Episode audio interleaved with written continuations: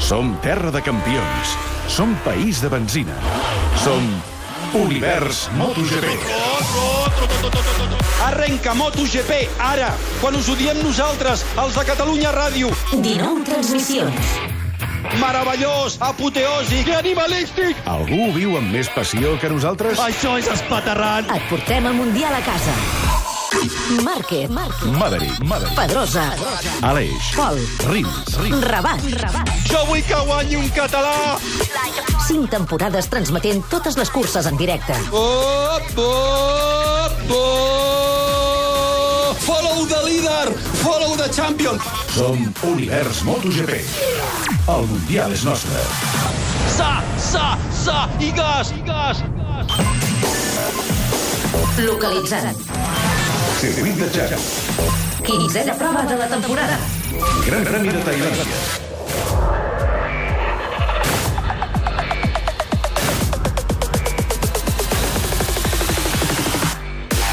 El Mundial de MotoGP està vist per sentència. Marc Márquez té 72 punts d'avantatge sobre el segon, Andrea Dovizioso. Falten 5 curses pel final i, si no passen coses estranyes, avui el tro de Cervera pot sortir ja amb un matchball molt còmode per ser campió en 15 dies al Japó. Admetem-ho, aquesta està sent un Mundial amb molt bones curses, però sense emoció. Gairebé des del principi s'ha vist clar qui manava i només Ducati ha estat capaç de fer ombra a Márquez puntualment. Això sí, la falta d'emoció no ens ha de fer perdre de vista que el tro de Cervera és un mite, història viva del motociclisme i que som uns privilegiats de poder-ho veure i explicar a cada cursa. Torre de control. Xevi Soler. Bon dia, dos quarts de nou i obrim l'univers MotoGP, quinzena prova de la temporada des de Tailàndia, circuit que s'estrena al Mundial. Tornen les curses de matí, avui a Tailàndia i d'aquí a 15 dies les matinades seguides de Japó, Austràlia i Malàisia. Queden 5 curses perquè s'acabi el Mundial i Marc Márquez ho té a tocar.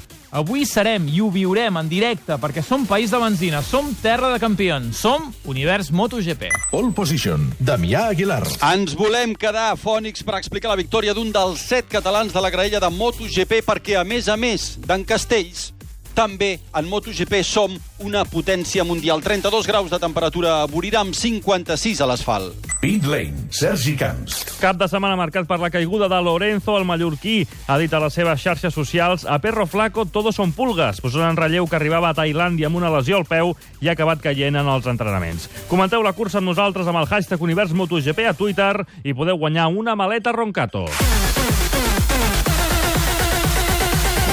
Univers MotoGP és una producció del Tot Gira. Tailàndia, t'estimo, t'espero. Tot gira. Tot gira. En moda tro, quina passada, quina passada, quina passada. Posa el cul a lloc, Márquez, ja! I gas! Als del Tot Gira ens agrada matinar sempre i quan ho fe... Eh que sí? I tant, home. Estem, estem molt acostumats a fer-ho cada dia. Normalment ens llevem a les 6-7 del matí per aprofitar el dia i per viure emocions intenses com la que viurem d'aquí una estona en aquesta cursa del Gran Premi de Tailàndia o com la que ja estem vivint al Gran Premi del Japó de Fórmula 1. Mira, podrem veure les últimes voltes, quatre voltes per final, amb Lewis Hamilton dominant amb mà de ferro per davant de Valtteri Bottas. Veig a Vettel a la sisena posició. Per tant, Hamilton, que va camí de fer un Marc Márquez, vol dir de sentenciar el Mundial. Però avui estem aquí per parlar de motos. Damià Aguilar, com estàs? Què tal? Bon dia. Bon dia. El Jo, Damià... jo a les 3 de la matinada ja, ja passejava el gos, tot i que no tinc gos. Anava amb una corda sense res. I deia, mira, el meu, el meu gos fictici. Al Lluís Costa també li agrada matinar. Lluís, com estàs? Bon dia. Hola, bon dia, què tal, com Tu anem? també t'agrada matinar, t'agrada veure les curses de Moto3, de Moto2, veure warm-up, els els warm-up. warm-ups ja a les 3 de la matinada. Li agrada empalmar a Lluís Costa. Bueno, bueno. Vaja, no, eh, només ho fa els dies per això que cal, eh? Si Sí. no cal, tampoc, tampoc seria necessari. Damià, d'entrada, quin clima fa en aquest circuit De Tailàndia, un circuit que ja dèiem que, que era nou, que es trobaran avui els pilots. Doncs eh, la, la veritat és que és un, un pèl estrany, perquè eh, ens havien dit és època de monsons i, per tant, esperaven pluges. Evidentment ha plogut, però no a les hores en les quals els pilots han estat a la pista. Fa moltíssima calor, és de l'estil de Malàisia. Mm -hmm. Els pilots diuen que fins i tot una miqueta pitjor. Es parlava d'aquests 32-33 graus ambientals, que és probable que pugi una miqueta més fins al 35, i els 56 de l'asfalt potser s'enfilen fins als 60 que van tenir aquest dissabte. Déu nhi 60 graus. De fet, aquest circuit, com deia, més nou, és el circuit de Chan. Per què ha entrat al Mundial? O què, què en diuen, què n'opinen els pilots? Perquè després recordem que haurem de tenir aquells viatges al Japó, a Malàisia, a Austràlia. Aquest Sí. circuit com ha entrat? És un circuit fet el 2014 per Herman Tilke, que us sonarà perquè és aquell arquitecte oficial, entre cometes, de la Fórmula 1 quan hi havia Bernie Eccleston. Mm -hmm. Està a 400 quilòmetres al nord-est de Bangkok, per tant, està en un lloc estrany, estrany, per tant entenc que eh, han fet una miqueta com l'Argentina, han volgut posar un circuit en un lloc per intentar donar-li eh, més, eh, més volada i que creixi una miqueta. Ha acollit curses de superbikes i ha entrat perquè intueixo que paguen bé i que deuen fer-ho a menys de 60 dies, no? Vull dir, i, I a més a més a Dorna li interessen curses eh, lluny d'Europa. El paddock es diu que Buridam és com la Termes del Rio Hondo, és el que et com- eh, perquè la infraestructura al voltant, vaja, no és, diguem-ne, no està preparada per, per, per, per un esdeveniment com, com pugui ser MotoGP. I es diu Chang Circuit, que és el nom d'una cervesa local, que és el senyor Chang de la cervesa, que ha, ha posat els calés, eh, o en part els calés,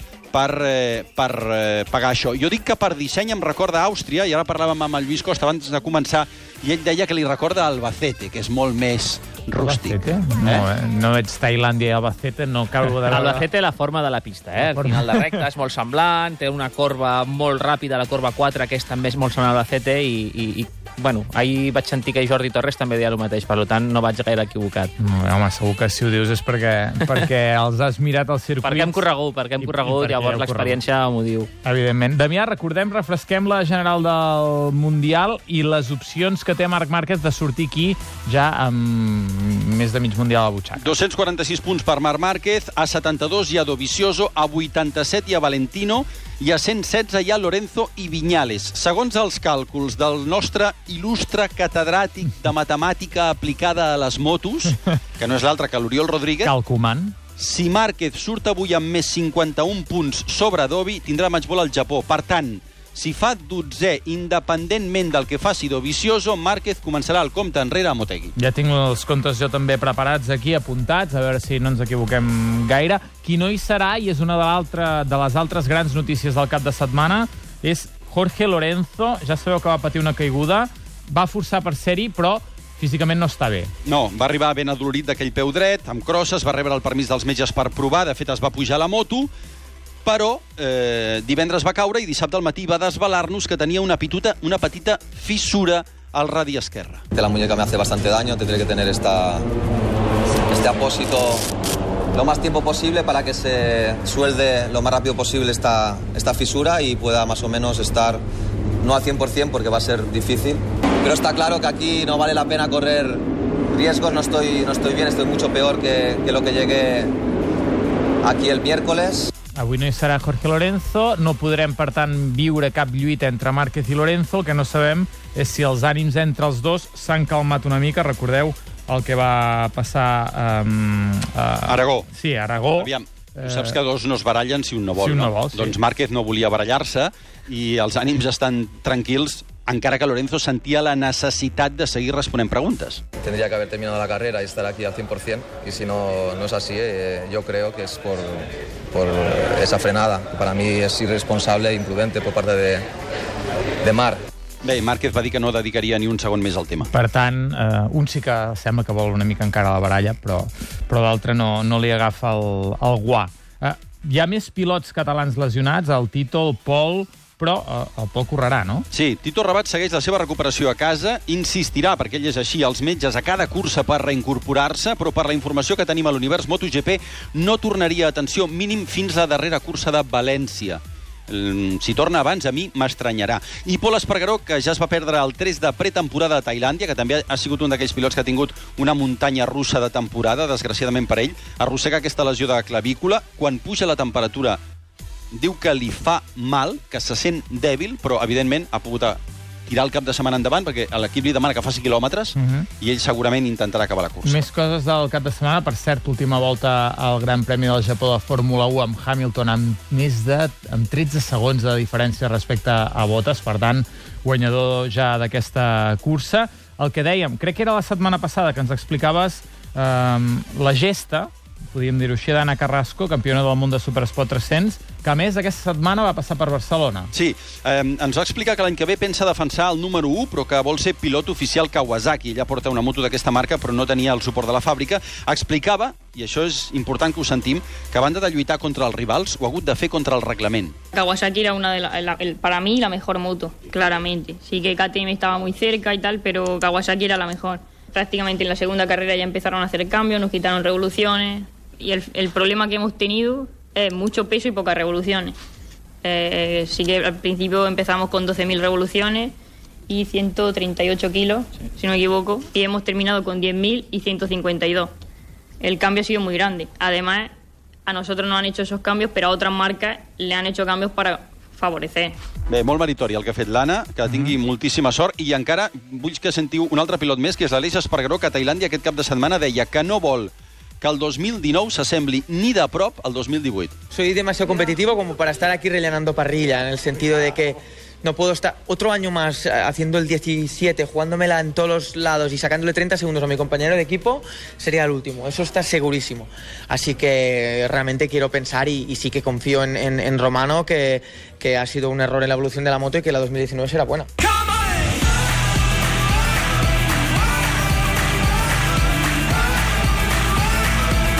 Falten 4 minuts per 3 quarts de 9. Ja tenim el podi definit d'aquest gran premi del Japó de Fórmula 1 amb Lewis Hamilton en la primera posició, Valtteri Bottas en la segona, Verstappen en la tercera. Veig que Vettel, el principal rival de Hamilton a la General del Mundial, sisè. De seguida farem comptes, però vaja, que Lewis Hamilton va camí de tornar a aconseguir un Mundial. Abans de tot això, ja just quan s'aixecaven el Damià i el Lluís, també hem viscut les curses de Moto2 i Moto3. Repassem el que ha passat en les dues curses, Damià? Sí, que les dues poden haver estat decisives. Mira, en Moto3, el darrer revolt, caiguda de Marco Bezzecchi, que amb el quart d'un Jorge Martín molt fotut de la mà esquerra, permet al madrileny ampliar a 26 punts el lideratge a la general. Victòria per Di Gian Antonio. Cinquè Rodrigo, 18è el Tortosí Alcova i caiguda de l'Albert Arenas. Hi ha hagut 10 caigudes en aquesta cursa.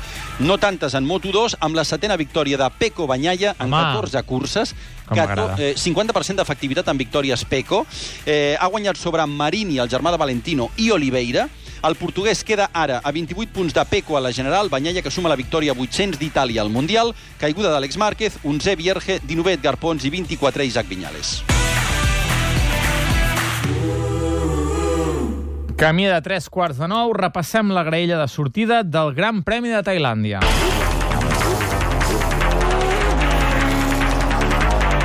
Tercera fila. Nové, Danilo Petrucci amb Ducati, vuitè, Jo- eh, Joan Zarco amb Yamaha i setè, Dani Pedrosa amb Honda. Pedrosa va ser el millor a Tailàndia a la pretemporada. No l'hem de descartar. Segona fila. Sisè, Andrea Iannone amb Suzuki, cinquè, Cal Kraslow amb Honda i quart, Maverick Viñales amb Yamaha. Yamaha ha ressuscitat a Buriram i el podi és possible per l'empordanès. Primera fila. Tercer, Andrea Dovizioso amb Ducati i segon, Valentino Rossi amb Honda. Els dos italians sembla que poden lluitar per la victòria. Pole position. Marc Márquez amb l'Honda. El tro de Cervera va adjudicar-se ahir una nova estadística, el primer pilot que fa la pol des de la repesca. El seient del darrere. Onzè, Alex Rins amb Suzuki, dotzè, Álvaro Bautista amb Ducati, setzè, Aleix Espargaró amb Aprilia, dinovè, Pol Espargaró amb KTM i 21è, Jordi Torres amb Ducati. Trending GP.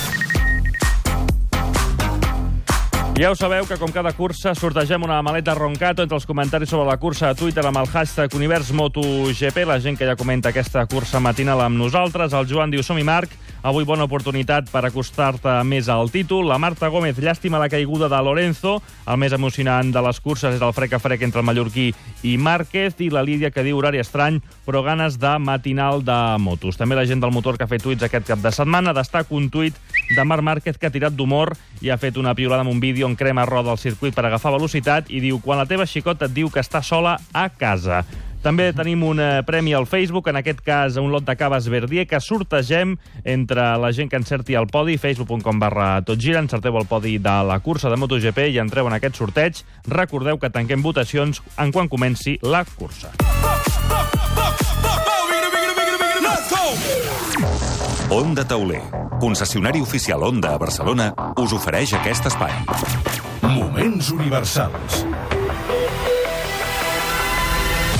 Ja sabeu que cada cada setmana de motos a l'univers MotoGP recordem un gran moment de la història del motociclisme. Molts, molts d'ells, moments que hem viscut en directe a Catalunya Ràdio, on fa 31 anys que seguim ininterrompudament el Mundial de Motos. Avui, Damià, us recordem la mítica lesió de Jorge Lorenzo, eh? la del Gran Premi de la Xina. Ens en anem fins al 2008. Jorge Lorenzo va debutar a MotoGP el 2008, una temporada en què d'entrada va brillar amb tres pols a les tres primeres curses i tres podis, entre els quals la victòria a Portugal al tercer intent. La quarta cita de l'any era al circuit internacional de Xangai, a la Xina. El mallorquí arribava colíder del campionat amb Dani Pedrosa. Als darrers minuts del primer lliure, el mallorquí va tenir un espectacular accident amb la seva Yamaha. Va haver de passar per l'hospital i el primer diagnòstic va ser fractura en un turmell. El seu mànager d'aleshores, Dani Amatraín, ho explicava. Un petit os trencat del maleolo i tot, tot de cops molt forts als dos, los, do- los dos pies. Una pequeña fractura, sí, pero que tampoco ahora lo han de acabar de determinar, pero que no es, no es algo, parece muy, muy grave. Lorenzo, que no va fer declaracions aquell divendres 2 de maig del 2008, es va perdre el segon lliure, però el dissabte es va classificar quart. Va comparèixer a parlar amb la premsa amb crosses. Y bueno, me duelen los pies un montón, no puedo caminar. Y aparte de eso, el cuello también me duele, el hombro. Estoy bastante mal. Las aceleraciones, cuando me tengo que poner, cambiar de postura y ponerme, levantar el culo y, y ponerme acoplado, me molesta. Good afternoon from China for round four of the MotoGP World Championships here in Shanghai. A la volta d'escalfament de la cursa, Lorenzo va calar la Yamaha i va intentar engegar-la ell tot sol, empenyent-la. Dos mecànics el van haver d'ajudar. La cursa mateixa va ser una lluita entre Rossi i Pedrosa que va caure de la banda de l'italià. Stoner va ser tercer i Lorenzo, infiltrat, quart. El ser humano aguanta lo que, lo que el cerebro le, le deje. Y a pesar de que derrapaba demasiado la moto, he ido, he ido a full, he ido a, a por todas. Muy contento, casi como una victoria. Increíble, sobre todo después de la caída, ¿no? Cuando estaba arrastrado por el suelo y, y que no me podía ni mover, el pensar en un cuarto puesto, en un ritmo como el que hemos conseguido, era inimaginable. Volver a, a la clínica de Sheus a hacerme, a hacerme otras pruebas, a ver exactamente si no tenemos más lesiones. Les proves mèdiques que li va fer el doctor Xavier Mir, unes hores després, van confirmar la fractura al turmell dret i van revelar el trencament del lligament lateral intern del turmell esquerre. Onda Tauler, diagonal cantonada Passeig de Sant Joan a Barcelona, us ha ofert aquest espai. Onda Tauler marca la diferència.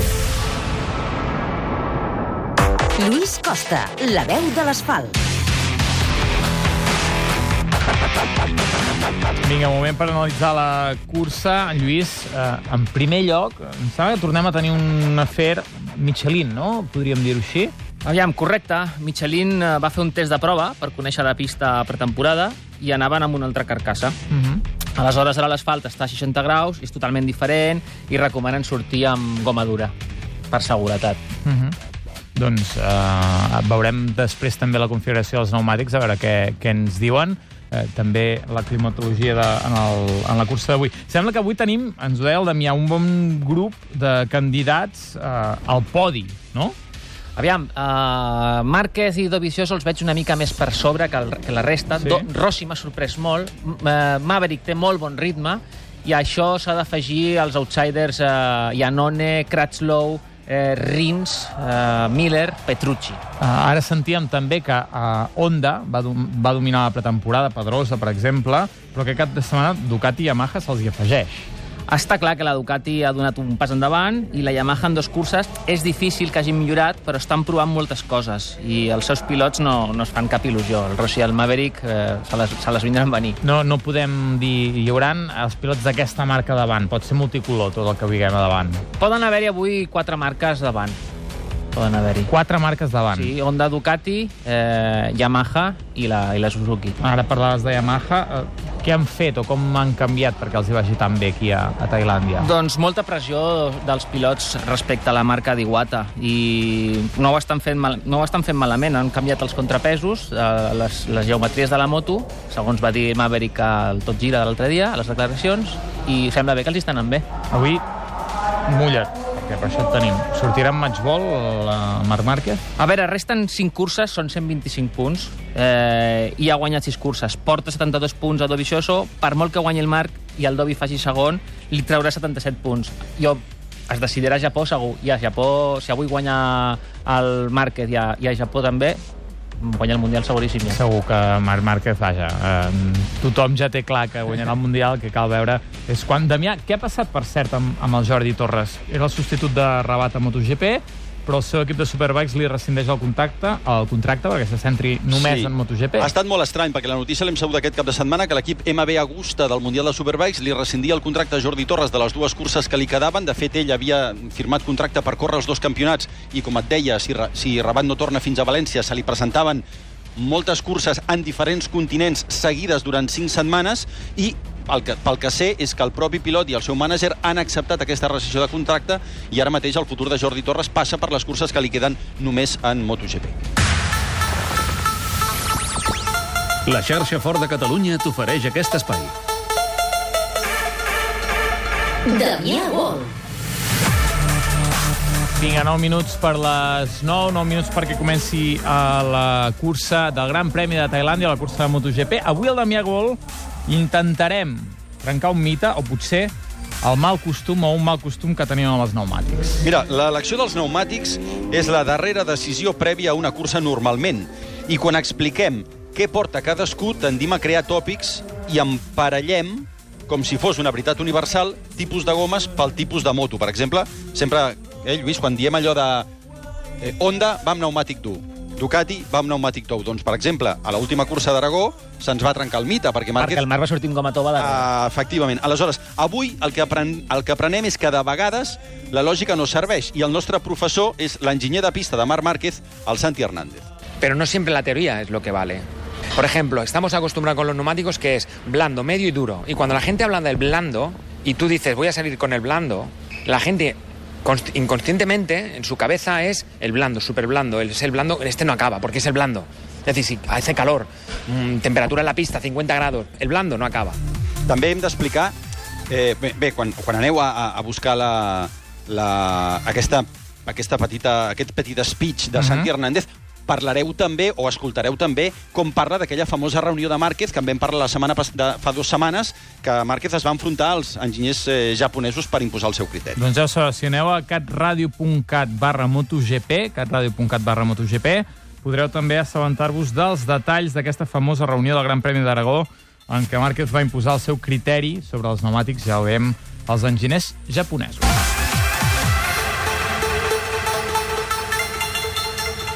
Un Ford Focus RS, un Ford Mustang, velocitat, derrapatges. I tu, sí, tu, Ford presenta Go Faster, l'esdeveniment amb què podràs ser el protagonista d'una experiència de conducció extrema del 19 al 28 d'octubre a Barcelona, Aeroport del Prat. Compra l'entrada a gofaster.es i vine a sentir-te com un especialista de cinema en acció.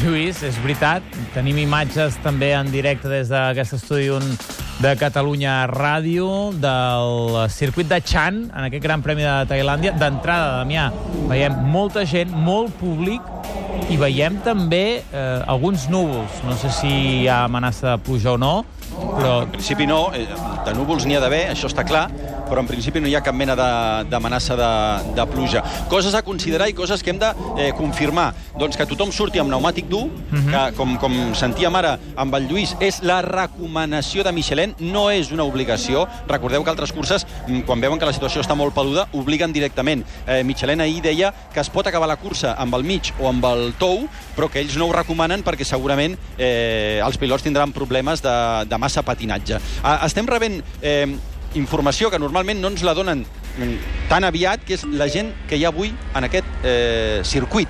100.245 persones.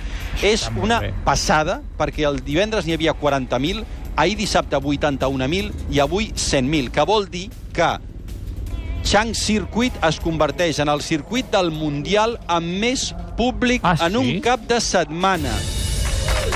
222.535 persones, la qual cosa significa superar, per exemple, eh, eh, Le Mans, superar Breno. Àustria, superar República Txeca, eh, superar fins i tot... Bé, ja veurem què passa a València, però eh, amb xifres importantíssimes, eh? I aquest és un circuit que té 3 anys de contracte amb MotoGP. Això es podria entendre amb el fet que és nou i sempre la novetat tira molt, però també eh, ho podríem llegir d'una altra manera, que és que no hi ha tradició de curses de MotoGP i a vegades sempre costa de, de que la gent s'hi aferri i en aquest cas ha sigut així. Perquè, Lluís, tu quan t'enfrontes amb un circuit que no, que no està al Mundial, que és el primer cop, com, com, tu, com tu prens? Com tu has d'aprendre això? Bueno, és veritat que hi ha testos i que, per tant, Sí. tots els pilots ja l'han ja l'han tastat o no? Jo tinc una opinió bona, i és que l'any que vaig córrer el Mundial, el 2001, tots els circuits, menys els d'Espanya, eren, Eren nous. Eren, eren nous per mi, aleshores eh, és el que hi havia. I és més, ho tenia més difícil perquè el divendres hi havia un llibre i, el, i, el, i per la tarda ja hi havia el crono.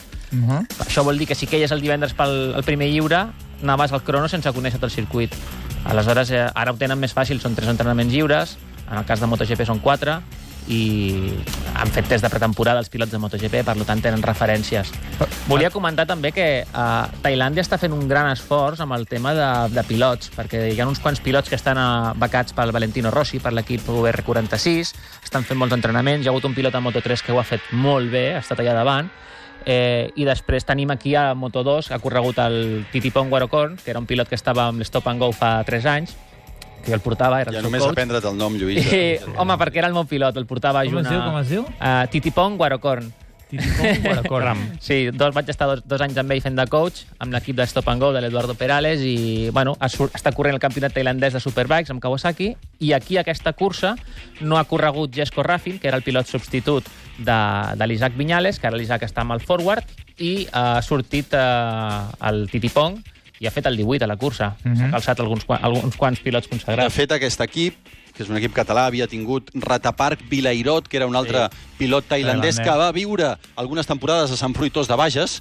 i que... El ratapart de Sant Fruitós devia fer la seva fila, sí. I que, a més a més, ha estat el que ha pilotat aquest cap de setmana la Enèrgica, la, la moto elèctrica, que, de la qual l'any que ve ja sabeu que hi haurà un campionat en, en cinc circuits del, del Mundial de Motociclisme. Ja veiem imatges dels pilots. Falten 3 minuts per les 9. Recordem que la classificació general Marc Márquez té 246 punts, Andrea de Vicioso 174, per tant, 72 menys, i Valentino Rossi 159. Ja eh, 87 punts Rossi de Márquez. Que si Márquez surt aquí amb un avantatge de 51 punts respecte al segon, respecte a Dobby o Rossi, ja tindrà matchball al Japó, que per cert la cursa del Japó eh, Damià, la tens d'aquí dues setmanes Sí, la hem tens de- clara a l'hora, perquè molta gent ja, ja ha de començar a I pensar al el, matinar. el buscarem ara, de seguida. Jo diria que és, és les 7 del matí i és, és una hora bé, més, no, més peluda per vosaltres encara.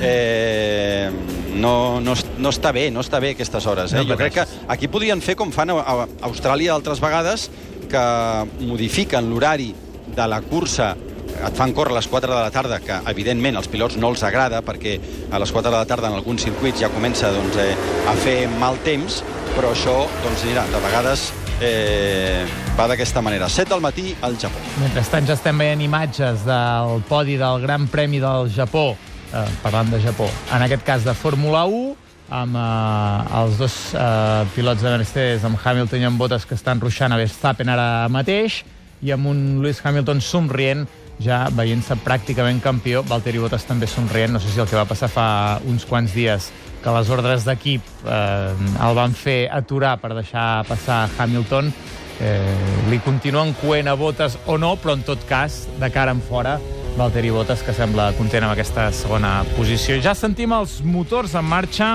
perquè ha començat el warm-up d'aquest Gran Premi de Tailàndia de motociclisme. Falta un minut. Damià, recordem la graella d'aquest Gran Premi i també la classificació de la general del amb Marc Márquez amb Bonda des de la Pol, amb Valentino Rossi i Andrea Dovizioso a la primera fila, amb Maverick Viñales, Cal Cratchlow i Andrea Iannone des de la segona. Tenim a la tercera Dani Pedrosa, Joan Zarco i Danilo Petrucci. Recordeu, Marc Márquez, que té aquests 72 punts més que Andrea Dovizioso a la general, 87 més que Valentino Rossi. Comentari sobre la cursa a Twitter amb el hashtag Univers MotoGP. Si voleu guanyar una maleta Roncato, l'Andreu Duran diu avui és el teu dia, Marc. Gasaleina, l'Oriol esmorzar amb les motos i el Damià, què més es pot demanar? I la Paula Puig, Márquez, avui matchball sí o sí. Ara mateix tanquem, recordem-ho, els pronòstics pel podi per aquest eh, lot de Cabas Verdier que posem en joc al Facebook del Tot Gira, facebook.com barra Tot Gira. Perquè ara mateix som a punt de les 9 del matí, hora prevista perquè comenci aquest gran premi de Tailàndia. Senyals horaris...